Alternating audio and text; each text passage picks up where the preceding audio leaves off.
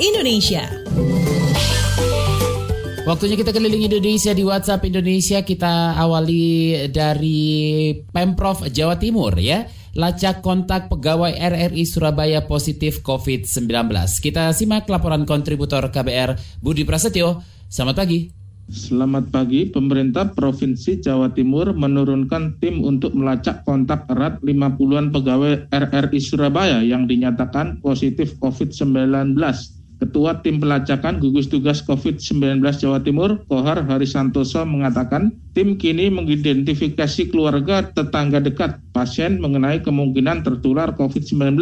Ia mengatakan upaya pelacakan tidak mudah karena puluhan pasien itu tidak hanya tinggal di kota Surabaya, Sebelumnya, Kepala Stasiun RRI Surabaya Sumarlina mengatakan 54 anak buahnya dinyatakan positif COVID-19 tidak menunjukkan gejala atau keluhan kesehatan pengelola RRI Surabaya itu memperlakukan penguncian atau lockdown gedung selama tiga minggu. Demikian saya Budi Prasetyo melaporkan untuk KBR. Masih dari Jawa Timur kita ke Ngawi. Krisis stok PMI Ngawi imbau keluarga pasien siap jadi pendonor darah. Kita simak laporan kontributor KBR Adima Sukoco. Selamat pagi. Selamat pagi. Palang Merah Indonesia PMI Ngawi Jawa Timur kekurangan stok darah selama pandemi COVID-19.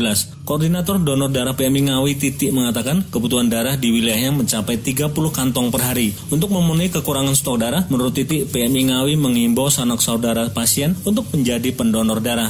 Selain itu, PMI Ngawi juga mengaktifkan kontak dengan berbagai komunitas masyarakat untuk melakukan donor darah. Titik menambahkan, untuk memenuhi kebutuhan darah pasien talasemia, maka setiap ada jadwal transfusi darah selalu disisihkan stoknya. Jumlah pasien talasemia di Ngawi lebih dari 20 orang. Demikian saya Dimas Sukoco melaporkan untuk KBR. Terakhir kita mampir ke Jawa Tengah, sejumlah warga di desa Karangmanggu, Rembang, Jawa Tengah membongkar peti jenazah positif COVID-19.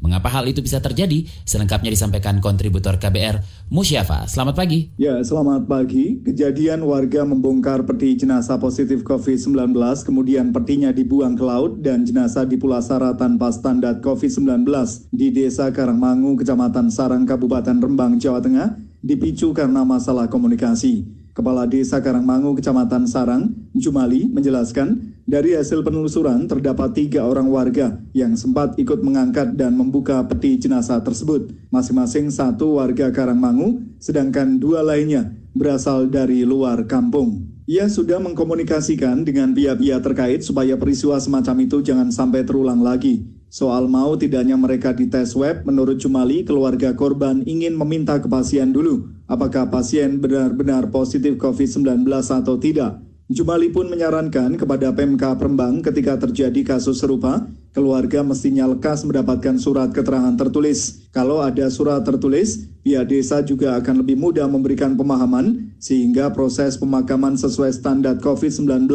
bisa berjalan lancar. Demikian saya Musyafa dari Radio R2B melaporkan untuk KBR.